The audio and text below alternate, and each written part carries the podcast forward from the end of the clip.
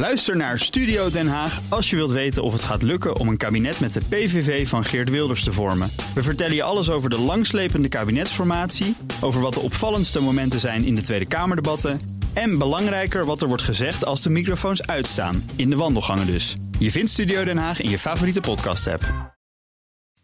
De column van Bernard Hammelburg. Op zo'n ochtend na de Amerikaanse verkiezingen zijn wij groothandelaren in vette koppen, hyperbolen en bij de handen analyses. En ja, ja, natuurlijk, ik ook. Trump ziet het behoud van de Senaat als mega-triomf. En het Huis van Afgevaardigden, ach, you win some, you lose some. En hij heeft nog gelijk ook. Het Obamisme is zowat vergeten. De liberale democratie begint te vervagen als een oude sepia-foto. Trump en het Trumpisme blijven nog zeker twee en waarschijnlijk nog zes jaar. Is het Trumpisme een beweging of een bevlieging? Diezelfde vraag kun je stellen over het Hongaarse Orbanisme, het Poolse Kaczynskiïsme, het Oostenrijkse Koertsisme of het Braziliaanse Bolsonaroïsme. Het antwoord ligt niet in het succes van deze neonationalisten, maar in het ontbreken van een liberaal-democratisch antwoord. De liberaal-democratie heeft simpelweg geen aansprekend verhaal.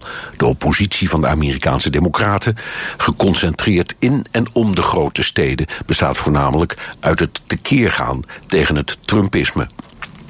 Des te belangrijker is het om nog eens naar de geografische verhoudingen te kijken. De tien grootste Amerikaanse steden omvatten 10.000 vierkante kilometer nauwelijks zoveel als de twee kleinste staatjes, Rhode Island en Delaware, bij elkaar.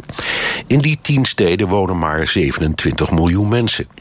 Silicon Valley, die paradijselijke motor van vernieuwing en vernuft, is even groot Op een Amerikaanse bevolking van 320 miljoen en een oppervlakte van 10 miljoen vierkante kilometer stellen die grote steden en het technologisch hart van het land nauwelijks iets voor.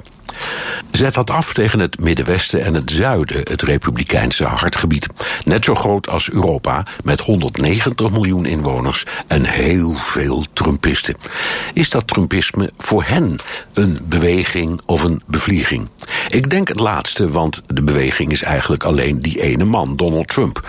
Maar als die inderdaad nog zes jaar blijft zitten, is de bevlieging wel degelijk een beweging geworden. En de column van Bernard Hammelburg die lees en luister je terug op bnr.nl en in de BNR-app.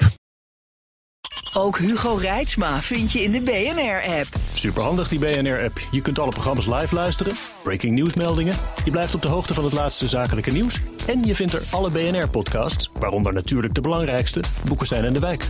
Download nu de gratis BNR-app en blijf scherp.